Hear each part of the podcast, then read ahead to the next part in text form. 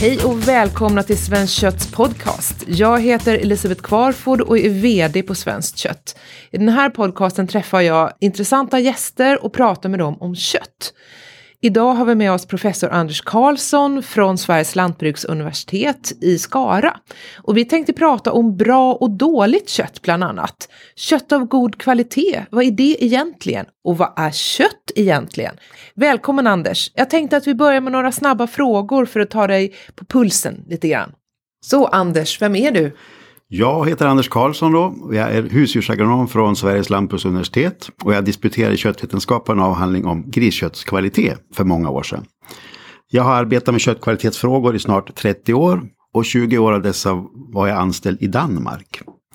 Och forskningsfokus där också var, var också där på köttkvalitet, på gris. Sen i somras är jag tillbaka till, i Sverige på SLU igen för att komma igång och fokusera på köttkvalitetsegenskaper på nöt och lammkött den här gången. Och då är jag placerad på Sveriges lantbruksuniversitet forskningsstation Götala nöt och lammforskningscenter utanför Skara.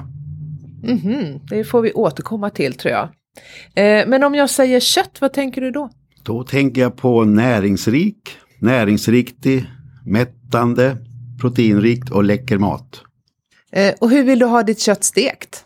Ja, mitt kött ska gärna vara stekt vid 58 grader och då använder jag en vattenugn där hemma, alltså sous vide, där man kokar då köttet i en vakuumpåse i vattenbad. Och så efter man har kokat det där i cirka två timmar så bryner jag det snabbt.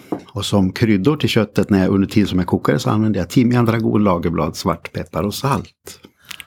Det, alltså det var väldigt exakt måste jag säga. Och du har alltså en egen, en egen sous kokare hemma? Ja, det finns ju i handeln nu och de är inte så dyra heller. Aha, ja men där mm. blev jag lite imponerad faktiskt. Eh, om du bara fick äta en kötträtt resten av livet, vilken skulle det vara? Ja, det är ett svårt val Elisabeth. Kött i alla former smakar väldigt gott. Men det skulle nog bli kanske slow-cookad griskarré till pulled pork. Eller slow-cookade kamben som jag också tycker är jättegott. Mm -hmm. De här kambenen, grillar du dem sen då? Nej, jag bara kokar dem där i. Alltså jag marinerar dem först i en, i en uh, barbecuesås över natten och sen så får de långtidskoka vid låg temperatur i en sån slow cooker. Åtta timmar och sånt där, eller tio timmar. Ja. Så det är mm. gris som gäller för dig? Det är gris alltså? som gäller, ja. Mm -hmm. Och vad är det bästa kött du någonsin har ätit då? Ja, då är det nog nöt. Då är det det där vidkokade köttet vid 58 grader.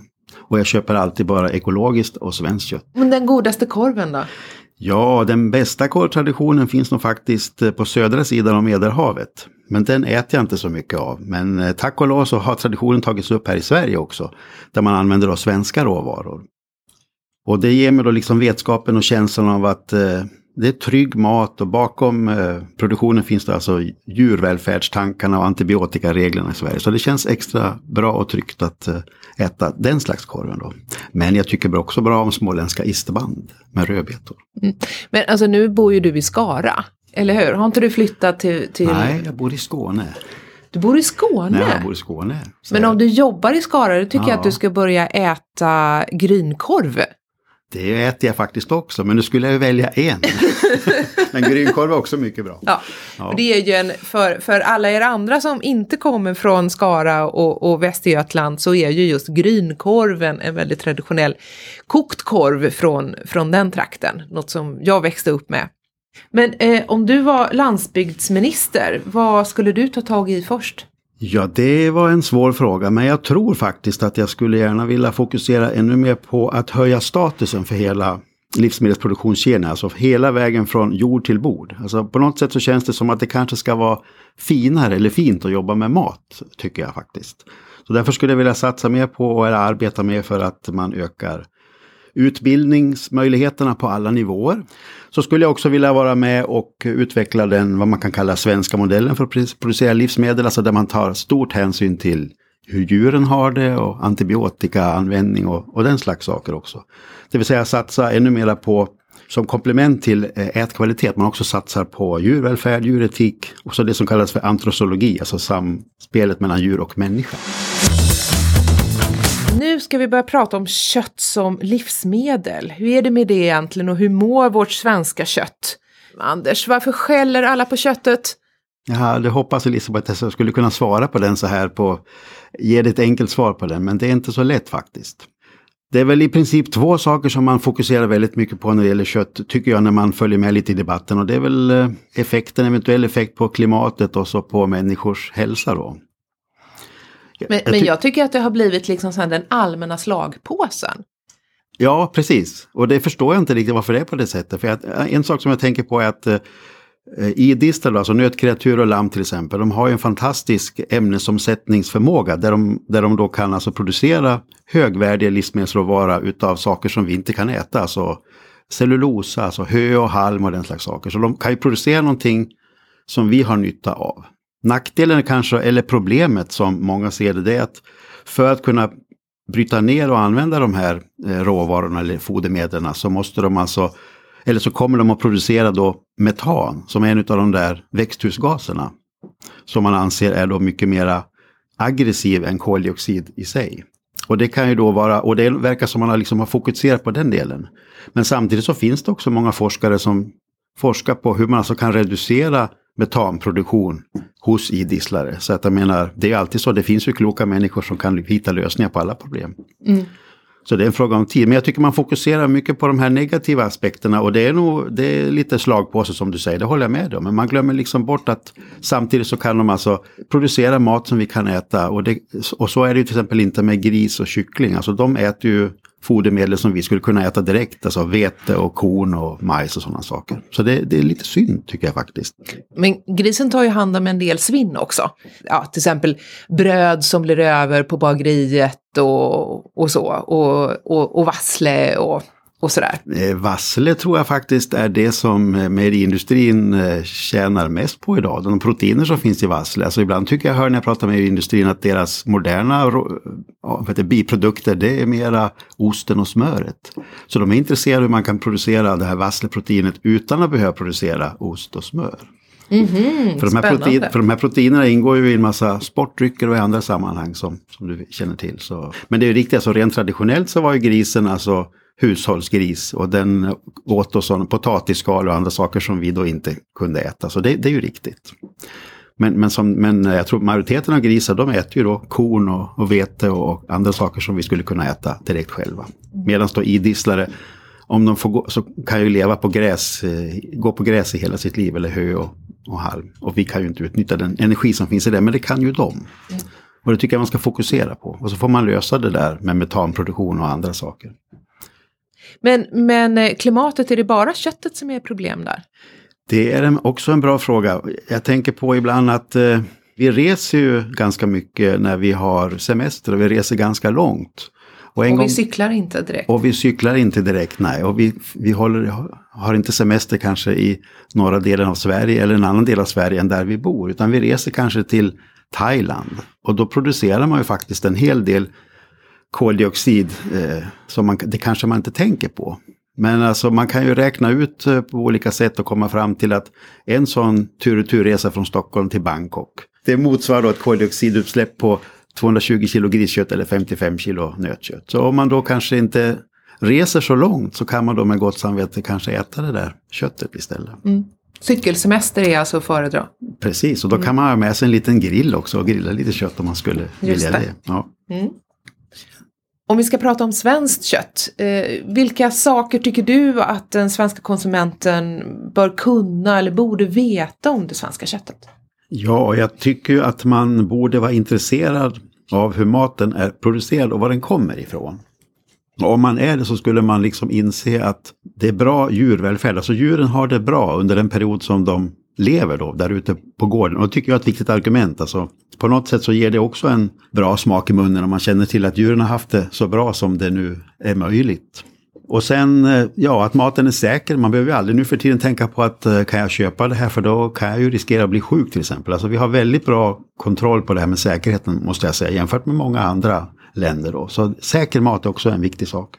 Ja, och sen är man ju med då och bidrar till om man tycker att det ska bo folk i hela landet, till exempel levande landsbygd. Och det tycker jag är viktigt så det inte bara blir någon igenväxt naturreservaten och sånt där. Och det, det tycker jag är viktigt. Öppna landskap också. De här idisslarna, de går där ute i markerna så har vi öppna fina landskap som vi tycker om att besöka ibland. Ja, de är ju vi svenskar väldigt förtjusta i. Ja, men de måste ju upprätthållas då. Det här är ett eh, fantastiskt sätt att göra det på tycker jag. Att man har då får och nöt och kanske andra slags djur går där ute och betar i markerna.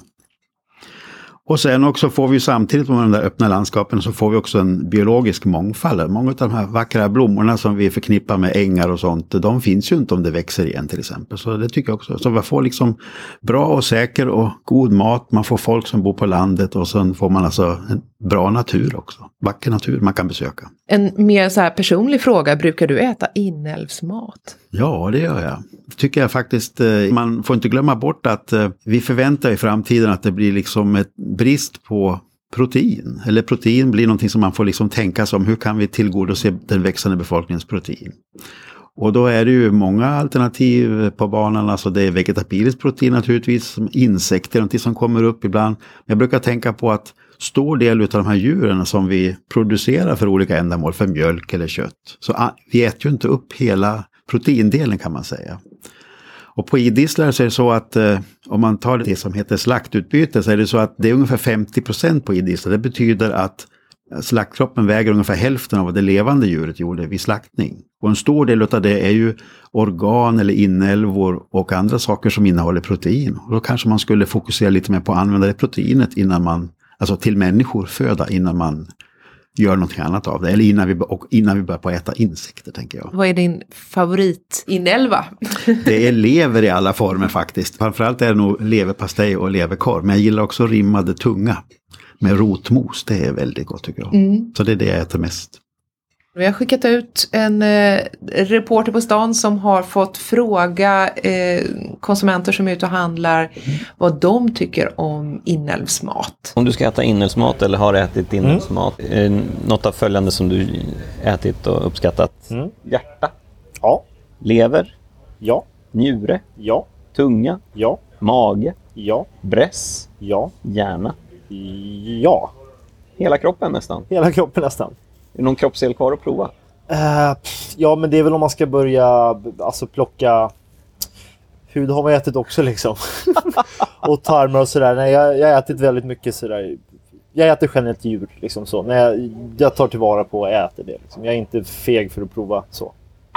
Inälvsmat. Äter mm. du det? Det skulle jag nog kunna göra, men jag köper det inte. Men om jag blir bjuden på det skulle jag nog kunna äta det. Ja. I, I sådana fall, äter du något av, av följande? Hjärta? Om jag skulle bli bjuden på det och någon visste vad de höll på med så skulle jag absolut prova. Ja. Eh, lever? Ja. Njure? Ja, om någon tillagar det bra. Ja. Tunga? Ja. Mage? Ja. Hjärna? jag vet inte. Om någon vet vad den gör när den lagar till det, ja. tänker jag. Mm. För jag tror man ska, man ska äta, äta hela djuret, absolut.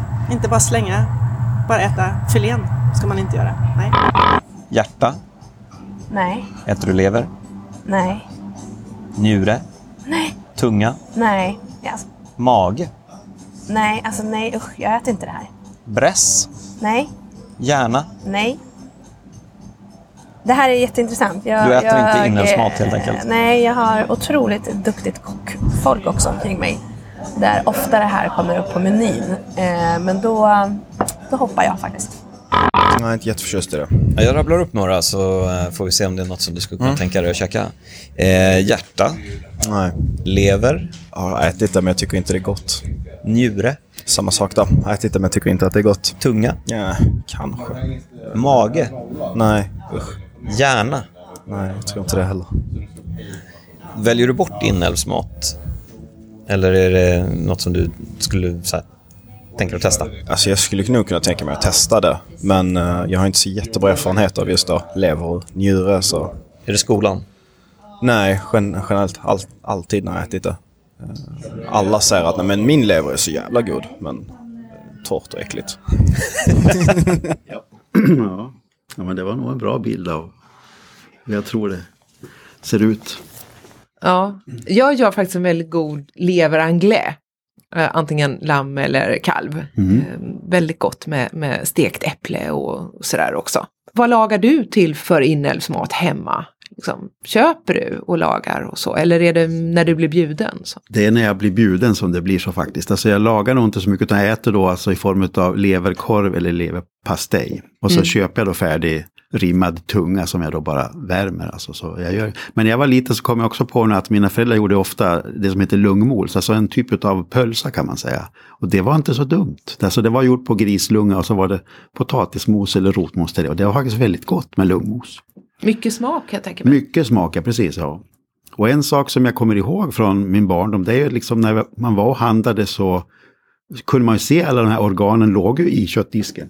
Hjärta och njure och allting. Jag tycker det, idag så kan man kanske se lever i alla fall, hel lever. Men annars är det inte så mycket, och hjärta också någon gång kanske, men annars är det inte så mycket som man ser. Så efterfrågan Mm. kanske inte är så stor. Precis, man får ju nästan ta sig till, till de delar där det eh, finns mycket nya svenskar. Ja, precis. Där, där i deras är det mycket kan man större hitta. utbud i de butikerna. Och, men också Citygross har ju en hel del. Så att, eh, för det kan ju till och med vara svårt att hitta oxsvans i, i en vanlig butik. Mm, mm. Och det är väl också det där att eh, vi vet kanske inte riktigt hur man ska tillaga det på bästa sätt. Så den informationen behöver också komma ut. Man, alltså, jag tycker också att, eh, som någon av personerna i inslaget sa, att, att man ska äta hela djuret. Och det finns ju också en trend alltså, som försöker ta hänsyn till det, alltså från svans till nos, höll jag på att säga. Mm. Och det tycker jag är väldigt bra, att man fokuserar på det. För det är så mycket gott man kan göra om man vet hur man ska göra det. Precis. Och vi ska fortsätta att prata om kött, för det är det som den här podden handlar om. Jag tänkte jag skulle nu passa på, eftersom du är köttprofessor och allt, eh, att diskutera så här, vad är egentligen kött? Och att, att eh, forska om kött, hur fungerar det rent praktiskt? Så Anders, vad är kött för någonting? Ja, jag vet inte hur jag ska definiera på bästa sätt. Men alltså krasst så är det ju så att eh, eh det är ju en del av eh, en vävnad i kroppen på ett levande djur som vi då kallar för skelettmuskel. Alltså det finns ju tre slags muskeltyper i en kropp. Vi har hjärtmuskel som då bara finns i hjärtat. Och så finns det det som heter eh, skelettmuskulatur som då blir kött. Och den tredje kommer jag inte ihåg just nu. Och, och vad består de här musklerna av? Man ska bryta ner det, liksom, gå ner liksom till, till beståndsdelarna. Ja, den största beståndsdelen är ju faktiskt vatten om man pratar om magert kött. Och det tänker man kanske inte så ofta på för det är ju liksom, det är, det liknar ju ett fast material.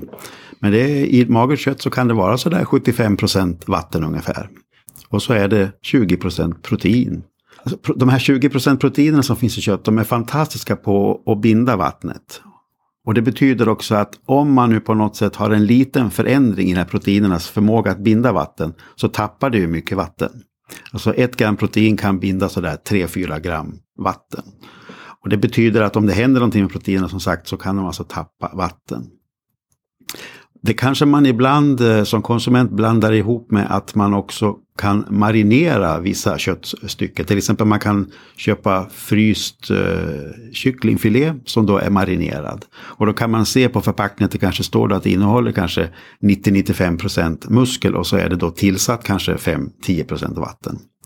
Och det kan man ju tycka då är någon slags, eh, ett enkelt sätt för någon att tjäna pengar på det vattnet, för vattnet är då en billig livsmedelsingrediens. Men samtidigt har det också en väldigt stor positiv effekt på ätkvaliteten. Alltså, alltså är det någonting som jag kommer ihåg från min barndom så är det att ingen vid köksbordet ville äta den där torra kyckling eller hönsbröstet. Utan det var låren som man slogs om. Men på det här sättet så kan man alltså faktiskt få en råvara som är extremt saftig. Och det kan man märka om man äter till exempel kyckling, sandwich eller något sånt där. Så är det ju inte torrt kött som ligger i den. Så med hjälp av vatten kan man alltså förbättra kvaliteten. Om man bara Det, förstår. det är också ganska populärt på vissa detaljer av gris.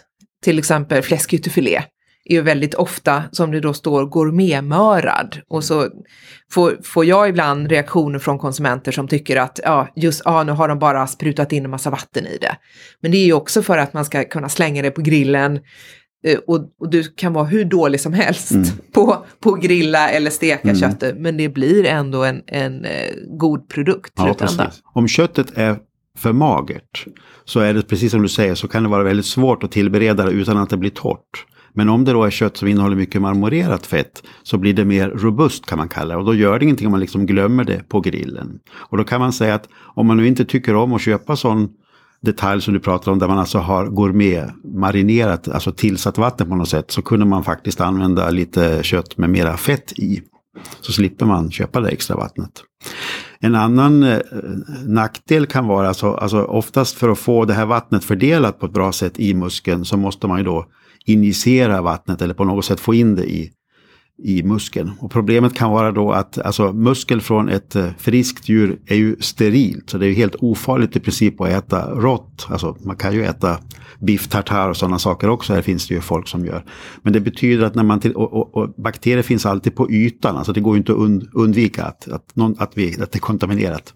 Det betyder då att när man till exempel då ska injicera vatten så kan man ju föra in då bakterier in i centrum på muskeln.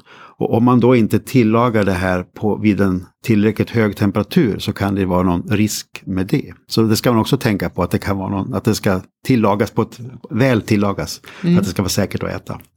Men eh, om man ska titta på det som du ägnar åt köttvetenskap och forskning om, om eh, kött. Eh, vad, vad, innebär det? Har du en massa kött på jobbet? Liksom? Har du en, en, en, en egen köttdisk? Om det vore så väl ändå. Men så är det alltså inte. Nej, det är inte så att du står, står och steker hela, hela dagarna? Nej, nej, tyvärr så är det ju inte så. Och det jag, jobb, det jag är anställd för att arbeta med nu det är ju köttproduktion. Alltså det heter ju köttvetenskap, ämnet som jag jobbar i. Och det är ju ett jättebrett ämne som startar i princip på gården och slutar med då ätkvaliteten på tallriken hos, hos konsumenten. Mitt fokus ligger nu på första delen av kedjan kan man säga, så närmare producenten. Och i mitt tillfälle så är det nu alltså nöt och lammkött som jag ska jobba med. Och tidigare i min karriär har jag jobbat med gris och så lite grann med kyckling också. Och det som vi är intresserade av då det är ju fokus på att eh, se hur man kan påverka till det bästa sättet, alltså kvaliteten på den här livsmedelsråvaran kött genom då de faktorer som finns till rådighet kan man säga ute på gårdsnivå. Alltså det är någonting med, med ras och genetik naturligtvis men också utfodringssystem. Alltså vilka fodermedel har vilken effekt på, på köttets kvalitet. Och vilka utfodringsstrategier kan också påverka råvaran kött. För att få ett gott kött. För att få en bra råvara. Sen får man inte glömma bort att eh, sen är det någon som ska, alltså normalt så äter vi som sagt var inte rått kött utan någon ska tillaga den där. Oftast då är det ju en konsument som gör det. Och vet man då inte hur man, alltså, som vi också var inne på tidigare, alltså det här med robusta köttbitar eller svårstekta köttbitar, tillagar köttbiten på fel sätt. Så är det ju stor risk att det inte blir en sån upplevelse som man skulle vilja ha när man bjuder sina gäster på dyrt kött. Då kanske man eh, säger ett och annat negativt ord om producenten. Istället för att tänka på att jag kanske inte vet hur jag ska tillaga den här den här detaljen korrekt. Mm. Och det tycker jag också är lite synd där. Så det behövs den här dialogen och utbildning så att folk förstår faktiskt. Vet du vad som är ett av mina så här tydligaste tips till konsumenter? Nej. Det är att tänk på att du måste skära av fibrerna tvärs av. Liksom, du kan inte skära längs med. Eh, och, det var någonting, det var ingen som lärde mig det i hemkunskapen eller så. Det var inte någonting som jag fick med mig eller tänkte på.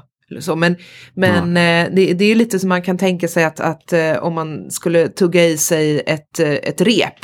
Liksom så här, nu har jag tack och lov aldrig fått den uppgiften men om jag skulle göra det mm. då skulle jag ju liksom klippa det i väldigt, väldigt små bitar. Liksom, för att klippa av de här fibrerna. Mm. Eh, för att annars så blir det ju väldigt besvärligt om man skulle liksom börja skära det på längden och försöka få i sig. Mm. De det, är en, det är en väldigt bra pedagogisk bild faktiskt om hur det hänger ihop. Alltså vissa detaljer är ju mera sega än andra detaljer av olika anledningar som vi kanske kan komma in på lite senare. Men, men det bästa sättet att göra köttet mört det är att göra köttfärs av det. Så det är en fantastisk produkt kan man säga. Där man alltså då kan använda köttråvara som kanske är svårt att använda som helt kött på grund av att det är för segt. Då ska det kanske tillberedas under jättelång tid. Då. Så kan man få den fantastiska råvaran som heter köttfärs som alla älskar i den här västvärlden i alla fall i form av köttbullar och hamburgare och korv och sådana saker. Så det är ett annat sätt att lösa det. Så här, var i kedjan från gård till tallriken påverkas köttkvaliteten mest, tror du? Nu har du pratat liksom både lite om bonden och du har pratat om, om eh, konsumenten och så. Vad, vad händer på, på vägen däremellan? Alltså jag tror att, eh, eller min eh, uppfattning är att de här producenterna ute på, på gårdarna, de är extremt flexibla i att producera precis nästan den råvara som marknaden efterfrågar. Alltså det tycker jag är imponerande, annars så hade de heller inte existerat tror jag, de här personerna. Så de kan göra i princip eh, den slags råvara, precis vilken råvara som i princip efterfrågas. Så jag tror att den största som jag var in på tidigare, alltså faktorn som påverkar ätkvalitet, om det är det vi pratar, menar med kvalitet, så är det liksom tillberedning. Så det är slutkonsumenten då, den privata slutkonsumenten. Alltså livsmedelsindustrin och kockarna, de har kunskap för att tillbereda de olika detaljerna på rätt sätt för att få en optimal måltidsupplevelse. Men det är alltså, jag tror det är konsumenten som gör det. Men annars så är det ju, så fodersammansättning har stor betydelse. Och där är det så att hos det man kallar för enkelmagade djur, alltså man kan i princip grovt dela in djur i idisslare som har många magar och enkelmagade djur. Och till den sista kategorin hör då gris och kyckling, och, men även fisk kan man säga. Och, då, och den kött, eh, fettkvalitet eller fettsyresammansättning som det heter, som man hittar då i gris och kyckling och fiskkött avspeglar nästan till 100% fettsyresammansättning eller mönstret i fodret. Medan hos idisslare är det så att eh, om man ger idisslare omättat fett, alltså typ rapsolja eller sådana saker, så de här alla mikroorganismer som finns i den stora vommen hos idisslare mättar då det här fettet, så det blir mättat fett i alla fall. Och det är väldigt svårt att påverka fettsyresammansättningar. Så där kan man väl i gris till exempel och kyckling väldigt enkelt påverka eller ändra eh, fettsyresammansättningen. Och det finns ju också lite nyare grisprodukter till exempel där man då har påverkat vissa fettsyror i Just det, som rapsgrisen Precis, till det var det. exempel, Ja, det var som det då får på. rapsolja. Precis, ja. Så, det, det, så fo- utfodringen kan man nog på ett snabbt sätt alltså ändra sammansättningen eller, kvaliteten på råvaran i alla fall. Medan genetik, det tar ju längre tid, det ska man då selektera och sådana saker. Men man kan ju korsa, och, som man också gör med gris, att man korsar in då en faderras som då har bättre köttkvalitet än till exempel de grisar som man använder som moderras, som då har mo- bra moderegenskaper istället. Och så vidare. Vad är den vanligaste missuppfattningen tror du om hur köttbranschen fungerar och var och hur kött produceras? Jag tror att om man inte har en koppling till en gård eller känner till vad som händer på en gård så kan det nog tänkas att medborgare tror att eh, djuren kanske inte har en optimal, ett optimalt liv där ute på gården. Att det sitter någon som inte riktigt bryr sig om djur som de är. Och, och det, som bara gör det här för att tjäna pengar och, och inte liksom alls bryr sig om hur djuren har det eller, precis. eller vill ta hand om dem Ja. utan bara ser dem som eh, spargrisar. Ja, och då är det ju så att om man skulle tänka efter så är det faktiskt så att eh, ett djur som har det, en, en opti, alltså optimala livsbetingelser, alltså får rätt mat och rätt behandling, utnyttjar ju fodret optimalt kan man säga, så växer på rätt sätt. Så jag menar det är en ekonomisk eh, incitament eller ett ekonomiskt intresse att behandla djuren optimalt och på bästa sätt. Mm. Men jag vet inte varför man tror att, alltså, att det är bara någon som försöker tjäna pengar på djurens bekostnad. Då. För, för att det har jag aldrig upplevt i alla fall att det är på det sättet. Utan de producenter som lyckas överleva på landet, alltså som att vara heltidslantbrukare, de vet hur man ska behandla djuren på bästa sätt. Och de vet också att det är en koppling mellan hur man utnyttjar de resurser som man, alltså foder till exempel, och alltså hur, man utnyttjar, hur djuren utnyttjar foder i förhållande till deras hälsa. Vi har i den här podden med Maria Lundesjö som ju också precis som du har, har doktorerat i köttvetenskap. Eh, och eh, den här gången så har vi pratat med Maria om RN-genen och det är jag lite nyfiken på vad det är för någonting. Det finns en gen i den svenska grispopulationen, RN-genen, som gör att det svenska grisköttet är gott att äta färskt. Det ger ett saftigt kött, men det lämpar sig inte lika bra till processkött. Så att i den danska grisen till exempel så finns inte den här genen lika frekvent. Så det är en skillnad på svenskt och, och danskt eh, griskött som, som är väldigt beforskad. Det är olika på olika länder vilket kött vi föredrar att äta. Och det har ju med att göra med tradition av vilket kött är man liksom tillvand till eller uppväxt med. Eh, så att det svenska grisköttet väljs av svenska konsumenter just när det gäller färskt kött. Så har man visat att man föredrar kött med den här genen. Den genen gör dock att man till exempel får hål i kasslern. Så att om ni köper svensk kassler och ser att den har små hål, så beror det på den här genen som gör att det blir en bubbla. En, ja, en liten bubbla som försvinner sen när köttet är färdigprocessat. Så att, eh, det är därför som vi kan se att det finns hål i svensk kassler. Spännande! RN-genen, har du god koll på den Anders, du som har jobbat med, med gris? Ja, lite grann i alla fall. Alltså jag har varit som sagt i Danmark i stor del av min karriär och där, precis som Maria Lundesjö sa, så finns ju den genen inte, den används inte i Danmark. Så det var inte så mycket diskussioner om det här. Utan det var bara när jag pratade med mina svenska kollegor. Hur står det till i köttlandet Sverige ur ett eh, forskningsperspektiv? Är vi, är vi bra på att forska om kött i Sverige? Alltså Sverige har ju inte riktigt varit ett köttforskarland och det finns ju många orsaker till det. Alltså om man tänk, jämför då med som sagt Danmark igen så är det så att i Danmark finns det ju inte så mycket naturresurser. Så det man lever av i Danmark och det som betalar deras välstånd och välfärd det är ju lantbruket eller matproduktion. Så därför är det naturligtvis väldigt mycket syfte eller fokus på det. I Sverige är det nog kanske mera andra industrier som är med och bär upp eh, landets ekonomi kan man säga. Skog tänker jag på kanske. Skog, malm, tillverkningsindustri. Ja, precis. Ja. Mm. Och lantbruket kanske har varit mera för att i alla fall producera svensk mat. Och vi var ju duktiga på att producera vår egen mat fram till vi blev en del av EU. Men annars har vi haft en hög eh, försörjningsgrad som nu är extremt låg och det vill man ju då från regeringens håll, jag förstår, göra någonting åt. Det tycker jag är Det är ju lite riskabelt alltså med den här väldigt låga försörjningsgraden. Ja. Alltså försörjningsgrad handlar alltså om eh, hur ett land kan försörja sin befolkning på, med mat. Och vi är väl nere på ungefär, vad är det, 49 procent ja, eller ja, någonting sånt där. Sånt. Och eh, Dessutom så har vi ju inga, vi har ju inga beredskapslager. Nej. Så att Nej. skulle det hända någonting, om, om, en stor, alltså om det skulle bli krig eller om det skulle hända någon naturkatastrof mm. som på något sätt skulle förhindra eh, mattransporter så, så har vi ungefär, vad är det, tre dagar eller något sånt där. Ja, det är eh, säkert inte mer än så. I, i butikerna. Nej. Och sen så eh, slut, ja. klarar vi oss inte mer. För att ja. lagren är väldigt mycket ute på vägarna. Alltså mm. lastbilar som, som kör och transporterar ut eh, maten till restauranger och, och till butiker och, mm. och så. Så att eh, där får vi väl se vad, det, det är en diskussion som har precis som du sa, kommit upp de, först de senaste åren. Mm. För att eh, eh, man kan ju inte säga idag som man sa på 40-talet att Sveriges beredskap är god.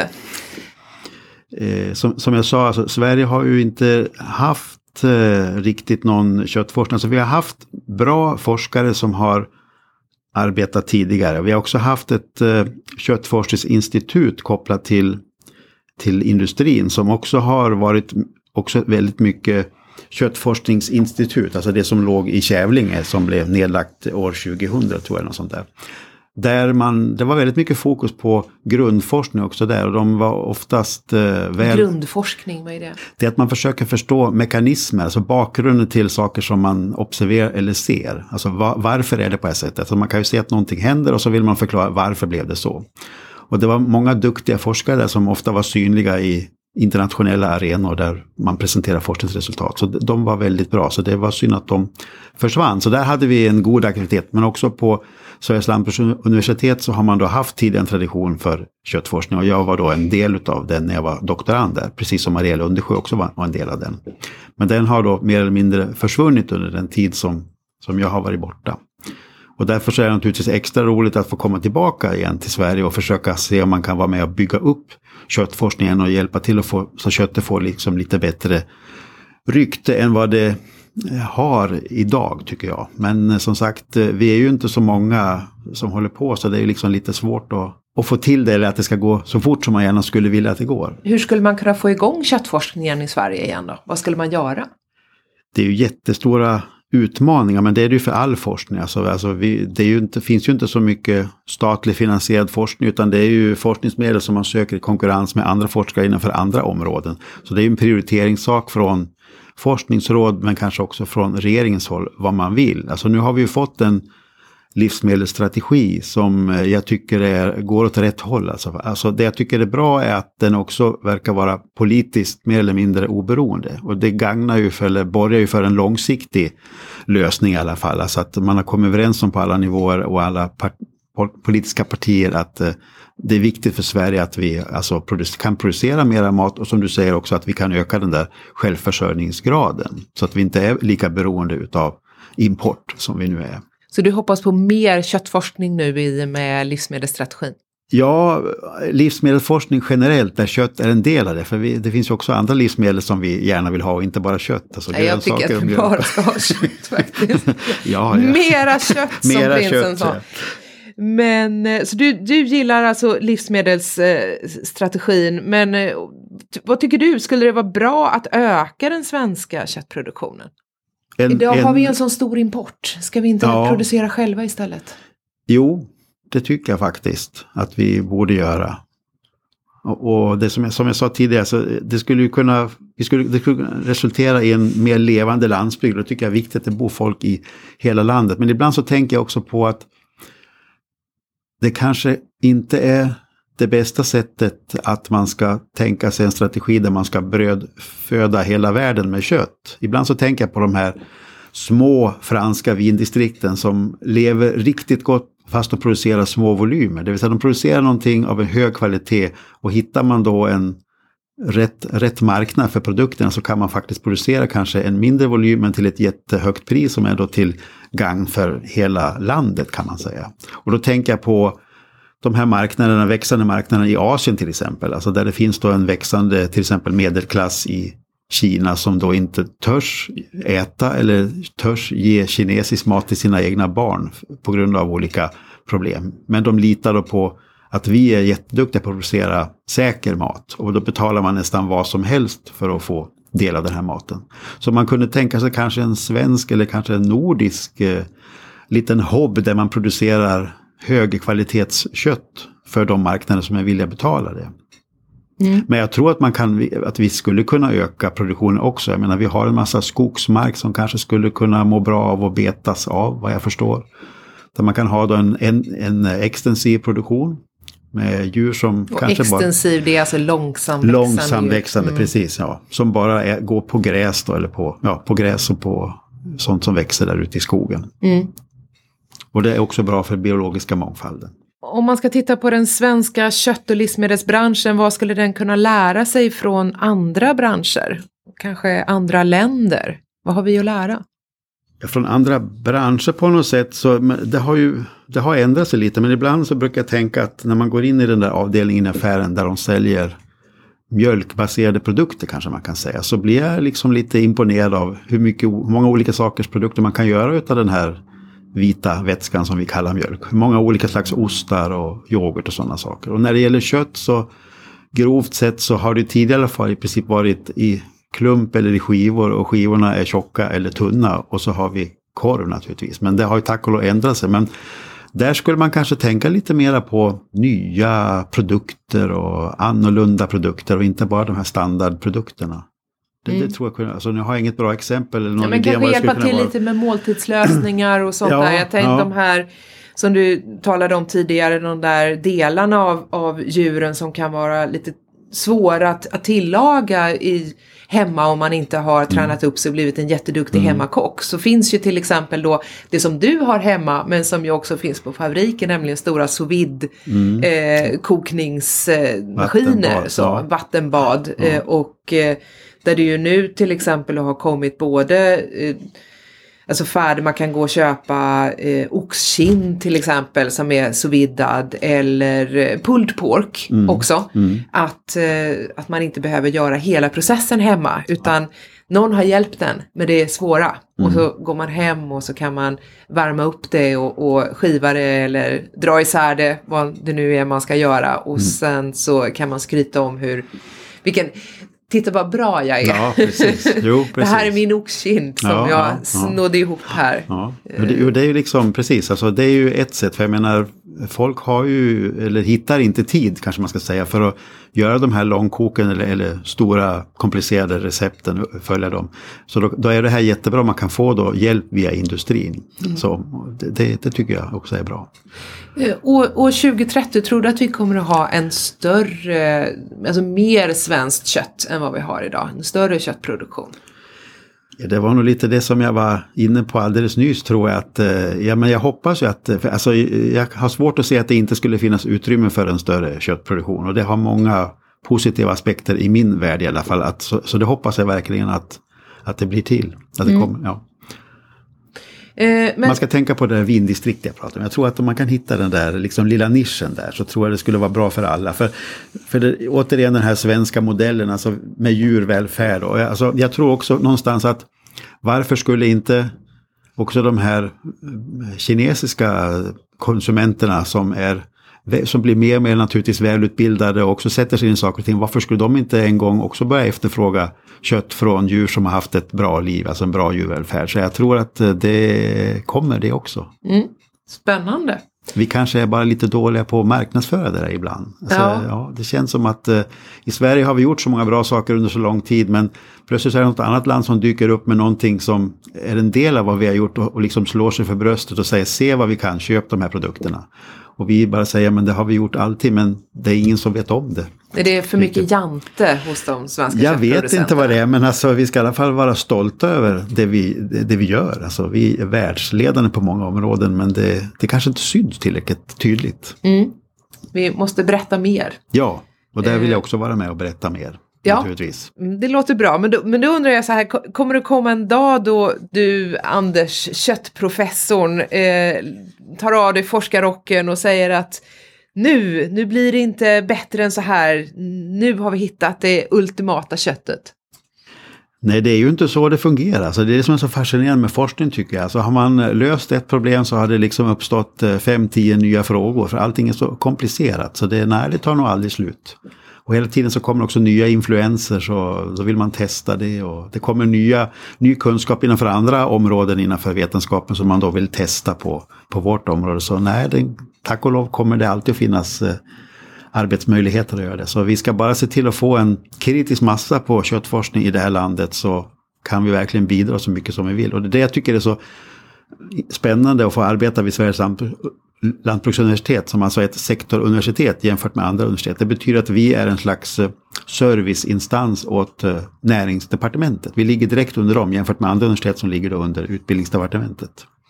Så vi ska, vi ska tänka särskilt mycket på vårt, alltså vi har ett sektoransvar som SLU och det, det tycker jag är jättebra att det som vi forskar fram ska kunna användas i praktiken om det är möjligt.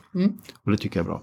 Då har vi alltså lärt oss idag att köttforskningen kommer aldrig att ta slut. Den kommer bara att fortsätta. Eh, att eh, vad djuren äter kan påverka hur köttet smakar och att eh, vi borde vara bättre på att eh, tala om hur bra den svenska köttproduktionen är. Det var allt för idag. Eh, synpunkter och tips tar vi gärna emot. Eh, ni kan höra av er på Twitter där vi heter Svenskt kött eller vår Facebook-sida som också heter Svenskt kött. Tyckte du om den här podcasten så sätt gärna ett betyg eller skriv en recension på iTunes eller där du hittar den här podden. Vi hörs snart igen.